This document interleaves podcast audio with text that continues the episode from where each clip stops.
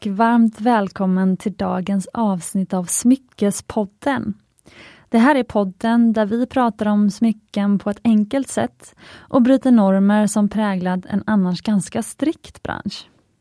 Jag hoppas att ni har hämtat er från förra veckans härliga dubbelavsnitt då vi hade ädelstensexpert och handlare Johannes Orstadius på besök. Trots att det avsnittet inte kom ut förrän klockan fyra på fredags eftermiddagen. Jag försöker ju publicera ett nytt avsnitt varje fredag. Så blev det vår fredag med högst lyssnarantal hittills. Vilket jag tycker är ganska otroligt. Jag hade aldrig kunnat ana på förhand vilken riktning den konversationen skulle ta. Och vi gick in på djupet i så många frågor. Och vi kanske inte löste alla, men vi fick en väldigt givande dialog tycker jag. Vi pratade om varför ädelstensbranschen är så mytomspunnen att det gjorts kända filmer om den. Och hur det egentligen går till bakom kulisserna när man bryter stenblocken ur gruvorna. För det är ju ganska intressant att ädelstenar är något av det dyraste man kan köpa per gram när det i själva verket till stor del är jordbrukare och lokalsamhällen som bryter ädelstenarna i gruvan. Som sedan, många led senare, fattar sig det som ska bli ditt smycke. Den här konversationen blev i alla fall så intressant och djup att det som skulle vara ett entimmesavsnitt blev två avsnitt uppdelade på en timme var. Perfekt för en lång promenad, eller två. Och om du inte redan har gjort det, så gå ut på promenad och lyssna på det här avsnittet. För jag tycker att den behind the scenes-bild som Johannes ger av ädelstensbranschen är något som alla borde veta om. Och ju mer vi delar den här kunskapen tillsammans, desto mindre intressant blir det förhoppningsvis för media och populärkultur att dela en, kanske inte osann, men i alla fall mer och mer irrelevant och tillbakablickande myt och liksom gamla sanningar om en bransch där de allra flesta faktiskt försöker göra gott och göra det bästa av liksom det underbara naturmaterial som ädelstenar faktiskt är. Och det här var det jag ville säga om förra veckans avsnitt. För jag spelar ju in introt direkt när jag har gästen i studion. Och då kan det ju sen hända att introt kanske inte riktigt stämmer överens med den väg konversationen tar efteråt. Men det är ju det som är spännande också. Jag vet ju liksom inte riktigt heller var konversationen kommer leda. Jag blev i alla fall jätteglad, för det kändes som att ni fick liksom vara en del av ett av mina och Johannes många samtal som vi haft under åren. Bara att den här gången så blev det inspelat. Sen vill jag också säga att det hände något i ljudfilen när jag pratade om kristaller och ädelstenar vid ett tillfälle. Om du undrar varför det hoppade konstigt mitt i en mening, så några sekunder försvann där. Sen vill jag faktiskt passa på att säga en till sak innan vi går in på dagens avsnitt. För särskilt när Johannes är på besök så kan det ju bli ganska avancerat snack om ädelstenar. Jag försöker ju förenkla och han fördjupar, vilket nog är bra för då kompletterar vi varandra. Men du kanske har märkt att vi ständigt kommer tillbaka till Mohs HD-skala. Och här vill jag faktiskt slänga in ett tips om att på Mumbai Stockholms hemsida så har vår AD Klara faktiskt gjort en affisch som på ett grymt snyggt sätt förklarar varenda mer eller mindre vanlig ädelstens hårdhet och rangordnat dem jämfört med varandra. Och Vi har även lagt till vanliga jämförelseföremål som en fingernagel, fönsterglas och en dammtuss så du kan se vad just din ädelsten riskerar att repas av. För yes, damm är faktiskt hårdare än man kan tro. Och Du kan i alla fall spana in Mohs hårdhetsskala på Mumbais hemsida. Och så har jag även lagt upp den på Smyckespoddens Instagram, där jag la ut den efter vårt allra första avsnitt om ädelstenar som var avsnitt 4. Och när du har den framför dig, då kanske du kan hänga med lättare när vi pratar om liksom, hårdhet och jämför olika ädelstenars kvalitet. Men, en sista grej. Om du känner att du har en tom bit av en vägg hemma och du verkligen vill förstå den här skalan, så finns den faktiskt också som en sjukt cool affisch. Och Den finns både med och utan ram för runt tusenlappen. Och jag tycker att den gör sig supersnyggt just mellan till exempel sådana här snygga fotoaffischer och eh, målade konstverk. Och jag tror faktiskt att den kanske kommer bli en konversationsstartare när du har folk hemma. Och Det här måste jag givetvis också säga är reklam för Mumbai Stockholm. Trots allt så är det Mumbai Stockholm som betalar min lön. Och på det viset är ju Mumbai Stockholm den enda samarbetspartnern till den här podden. Men jag spelar ju liksom in den här podden på min egen fritid kan man säga, för att jag verkligen brinner för det här. Och jag har fortfarande inga planer på att ha liksom, andra samarbeten eller reklam så. Men eftersom Mumbai då är företaget som jag startade för sju år sedan, Så när jag berättar om produkter så här så måste jag ju säga att det räknas som reklam. Men det var det. Nu vill jag gå vidare och börja prata om dagens ämne.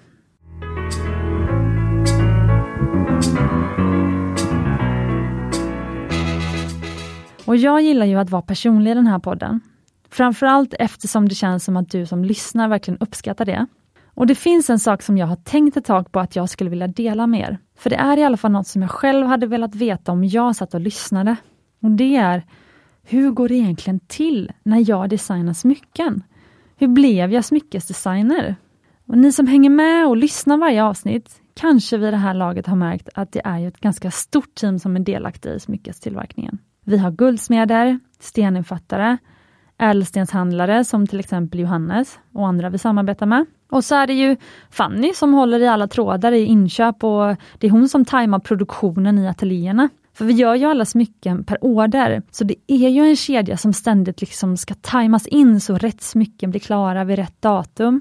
Och sen så är det ju jag. Och vad gör jag i allt det här? Jo, jag är ju designer. Och designer är ju ett ord som jag drömde om att sätta på CVt när jag var liten. Men som faktiskt inte känns riktigt lika glassigt nu när man liksom är det.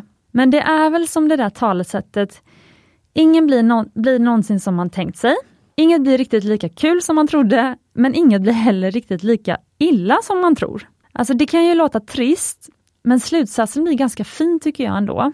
Liksom oroa dig inte i onödan, för det kommer antagligen inte bli så dåligt eller tråkigt eller farligt som du tror.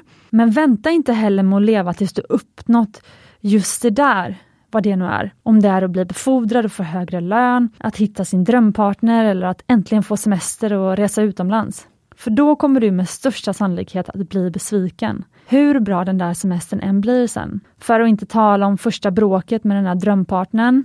Eller när du märker att livet nästan var roligare när du inte hade allt det där ansvaret på jobbet. Eller att löneförhöjningen inte gav en direktbiljett till drömhuset riktigt än. Och jag tycker att det här är ganska fint ändå. För det ger hintar om vad man faktiskt ska uppskatta här i livet. Vilket är precis där du är just nu. Och jag livnar mig som smyckesdesigner och är ju även VD och entreprenör som en biprodukt av det. Eftersom jag aldrig skulle bli anställd som designer någonstans. Jag har ju liksom ingen sån utbildning, så om jag ville designa så fick jag ju starta eget företag. Men det jag visste om att vara designer hade jag ju typ läst i modetidningarnas hemma hos-reportage när jag var liten. Och då var ju en designer en vacker, intressant kvinna, eller man, i bohemiska svepande kläder som bodde i ett vackert hus på en kulle i bergen på Mallorca. Eller möjligtvis i en glassig våning på Manhattan med konst på väggarna. Och gärna en golden retriever vid fötterna. På dagarna så såg jag framför mig att en designer vaknade sent, hade ett första telefonmöte i en dyr morgonrock och sen när det var dags att skapa så gick man in i sin ateljé med trägolv och skissade vackra skisser som lika gärna skulle kunna sättas upp på väggen bland konsten. På helgerna så umgicks de med vänner och gick på gallerier för att inspireras och på kvällarna så höll de stora middagar. Och jag, jag bor ju i en hyrestvåa i Solna. Jag har ingen konst på väggarna förutom en fin tavla jag fick av en familjevän i 30-årspresent. Och jag behöver fortfarande springa och styrketräna som en vanlig människa för att hålla mig i form i både kroppen och sinnet. Bara yoga räcker liksom inte, hur romantiserad träningsform som det än är. Jag skulle inte kunna ordna sociala tillställningar samtidigt som jag ska skapa. Jag behöver ensamtid. Och jag kan fortfarande inte måla. Jag släppte nu och accepterar mig själv som designer fastän det jag ritar som ska bli nya smycken ser ut som en femåring ritat dem. Och så har jag en pytteliten busig hund som skäller och inte alls är lugn och cool som en golden. Och om du hör det här och känner att aha, men vad nice, det låter ju lite som mitt liv kanske. Fast på ditt sätt. Då kanske du tänker att vad bra, då kan ju jag också bli designer. Och då tycker jag att du tänker helt rätt. Världen behöver fler bra designers inom alla områden tycker jag. Så kör bara kör. Och om du vill ha tips på vad du kan designa så kan jag meddela att det finns till exempel överhuvudtaget inga snygga motorcykelkläder för kvinnor. Det vet faktiskt alla i mc-världen och i Biker Babes-gruppen på Facebook, som jag är med i, så är det typ den hetaste frågan. Särskilt som rekordmånga tog hojkort förra året och däribland bland då många kvinnor som upptäckt det som vi andra som redan har kort har upptäckt. Vilket är att Kvinnomotorcykelkläderna är gjorda av män som saknar känsla för feminin estetik. Sen så tycker jag också att det finns väldigt få bra och stora och djupa krukor att hänga på balkongräcket för bärbuskar och jordgubbar. Och överlag finns det nästan inga små utemöbler för den lilla balkongen. Så, om du vill designa något av det här så har du minst en första kund. Och det här är egentligen hela hemligheten med att bli designer. Du behöver bara ha en enda kund som är beredd att köpa det du har skapat. Och när du har det, så har du kommit mycket längre än nästan alla andra som har tänkt en tanke men inte lyckats utföra den. Och här kommer vi faktiskt in på vad som är skiljelinjen mellan en konstnär och en designer. Och det här är faktiskt något som jag har en liten story om. En diskussion jag hade för ett par år sedan och som liksom inte blev färdigdiskuterad, utan som har legat och marinerat sig i mitt huvud sedan dess. Jag bodde i Tulum under ett par vintrar. Tulum är ju en liten by i Mexiko, där olika kreativa personer från hela världen samlas och liksom lever i sin egen lilla bubbla. Ofta startar man hotell, restaurang, små butiker. Eller så lever man som yogalärare, healer eller kanske säljer essentiella oljor. Ofta stannar man några år, kanske åker tillbaka till sitt hemland på norra halvklotets sommarhalvår och åker tillbaka på vintern. Och sen, när man känner att man är färdig med sitt utforskande av sig själv och andra, så flyttar man tillbaka till sitt hemland och är ännu mer kreativ och produktiv. För det är väl grejen med den livsstilen tycker jag. Man är liksom mer avslappnad och intuitiv än kreativ och produktiv kan man väl säga. Och var sak har sin tid tycker jag. Men hur som helst, det bästa med Tulum var för mig alla de samtalen man hade med människor. Alla hade ju liksom tid att prata. Och jag kommer ihåg att jag satt på kaffestället där vi hängde och så hamnade jag i diskussion med en konstnär från New York. Vi hade känt varandra ett tag och det tog lite tid för honom att öppna upp sig för han var väldigt introvert. Men när han gjorde det så var det alltid väldigt intressant. Han var lite dyster och filosofisk men ändå med humor. Och han hade under 12 års tid flyttat mellan New York och Tulum och jobbade då, och nu faktiskt, med färgglada plastpåsar som han skapade helt otrolig konst med. Tavlor med motiv och allt som, som han ställde ut i LA, New York och Milano. Fun fact är också att om du varit i Bushwick i Brooklyn och druckit kaffe på AP Café, så var han faktiskt en av ägarna där. Men hur som helst, han var ganska fascinerad av mitt smyckesmärke och han såg hur jag satt där på kaféet och tänkte ut ringar som passade ihop perfekt med varandra och sen såldes i Sverige. Och vi började diskutera vad skillnaden var mellan konst och design. Han menar att konst inte till får säljas, därför var det jag höll på med inte konst. Så fort man har en tanke om att något ska säljas så är det inte konst. Konst skapar konstnären för att han eller hon bara måste få ut det, oavsett om någon annan sen vill ha det eller inte. Sen pratade jag om det här med hans bror, som egentligen var hans kusin. Och han menar att det var bullshit och att den här konstnären hela tiden hade ångest för att något inte skulle köpa hans verk, förlåt, för att någon inte skulle köpa hans verk. Och det var det som drev honom att göra bättre och bättre konstverk. Och själv höll jag väl delvis med den här konstnären. Men jag menade samtidigt att skapande är ju inget värt om någon inte vill ha det. Vad är meningen med skapande om det inte kan komma till användning för någon? Och nu kan jag väl se många fler nyanser i den här diskussionen, men jag tycker ändå att det faktiskt är i stort sett det som skiljer mellan konst och design. Och vad det faktiskt är som gör en bra designer. För mig så är att designa lite som att skriva recept. Konst är ju inte meningen att användas till något mer än att få igång folks känslor. Men design, det är ju menat att användas till något. Därför behöver design också kunna realiseras och även reproduceras. Att designa är ju liksom att skriva ett recept för att någon annan, som inte är du, ska kunna lyckas lika bra med att skapa det som du har designat. Lika bra som om du själv skulle ha skapat det. Och blir du riktigt duktig på att designa, så kan du ju till och med designa över din förmåga att skapa. Alltså du designar en produkt eller en lösning som du själv inte ens kan producera, men någon med mer tekniska kunskaper än dig kan realisera det. Och om resultatet då blir en riktigt bra produkt, då är du en bra designer. Men därför är design också för mig ett tänkande. Konst är ett kännande, det är intuitivt och flytande. Och Design är ju också absolut intuitivt, men det är också ett, ett medvetande. Alltså ett abstrakt tänkande där du först behöver tänka och sen skapa det. I konst sker görandet och tänkandet exakt samtidigt. I min värld När jag fortfarande hade ambitioner om att bli guldsmed, för jag trodde att det förväntades av mig i min roll som smyckesdesigner, så insåg jag väldigt snabbt att göra och att tänka samtidigt, för mig ledde, ledde det till katastrof. Det kan ju funka när man är väldigt konstnärlig, intuitiv och öga, hjärna och händer är i perfekt synkronicitet och harmoni. Men så var det inte för mig. Jag upptäckte väldigt tidigt i min resa med mitt smyckesföretag att jag designade bäst när jag funderade eller var i ett annat mentalt flow, till exempel i yogastudion, eller i löpspåret, eller när jag läste, och inte när jag var i ateljén. I ateljén, om jag inte gick in med en tydlig mental bild framför mig, ett tydligt recept, om man säger så, då kunde jag snarare förstöra och liksom klåfingra bort min egen design.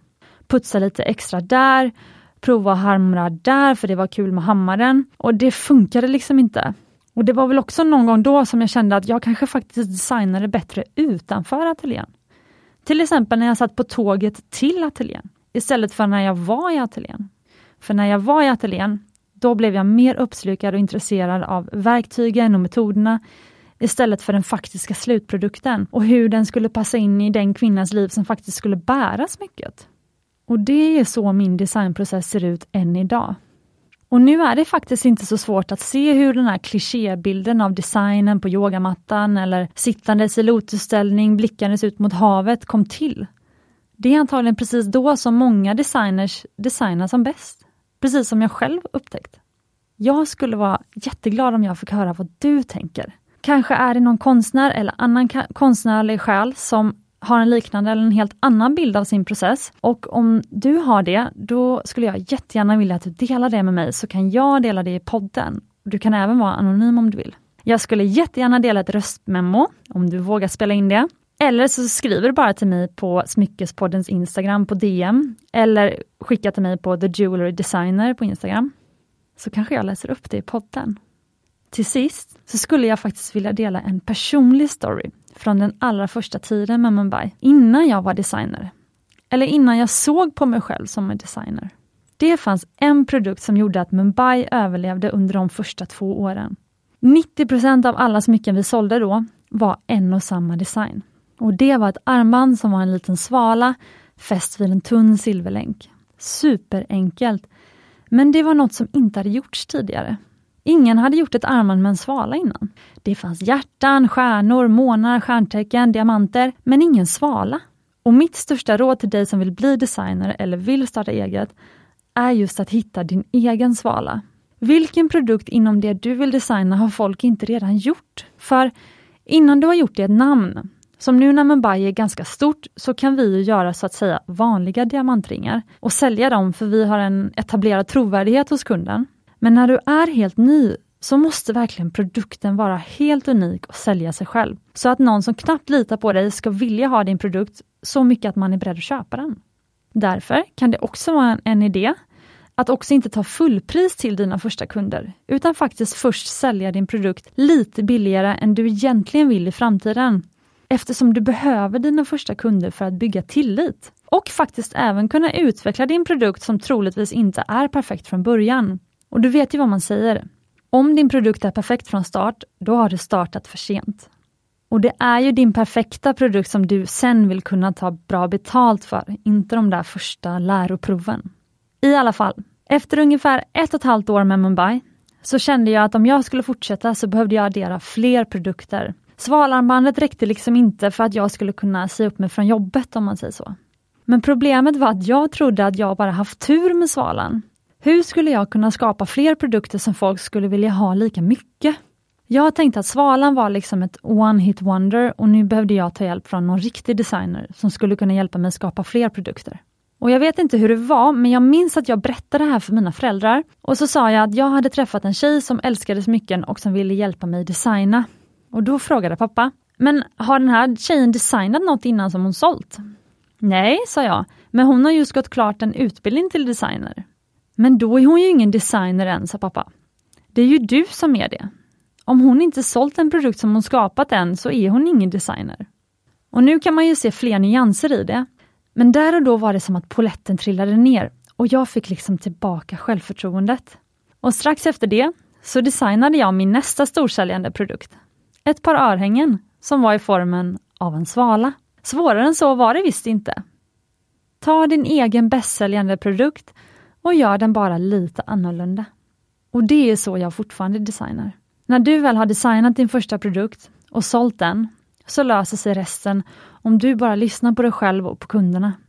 Såklart kunderna som hade svalarman ville ha matchande örhängen till. Nu i efterhand känns det så självklart.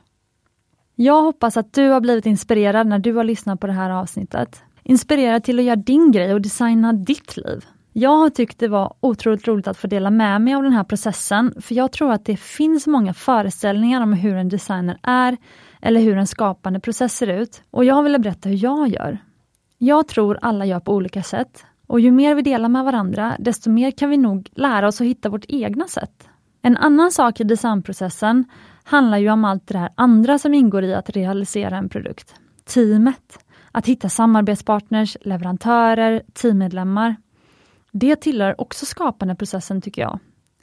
Så mitt bästa tips till dig som också drömmer om att bli designer är faktiskt att lika mycket som du ägnar dig åt drömmar, egentid och skapande, lika mycket tid ska du ägna åt att lyssna på människor, umgås med människor. Det är du tillsammans med människorna i ditt liv som kommer skapa något. Om du vill dela dina tankar med mig så blir ingen gladare än jag. Skicka jättegärna ett röstmemo eller skriv till mig på Instagram, The Jewelry Designer eller Smyckespodden. Ha en grymt härlig dag så hörs vi nästa vecka. Och glöm inte, du är värd äkta smycken.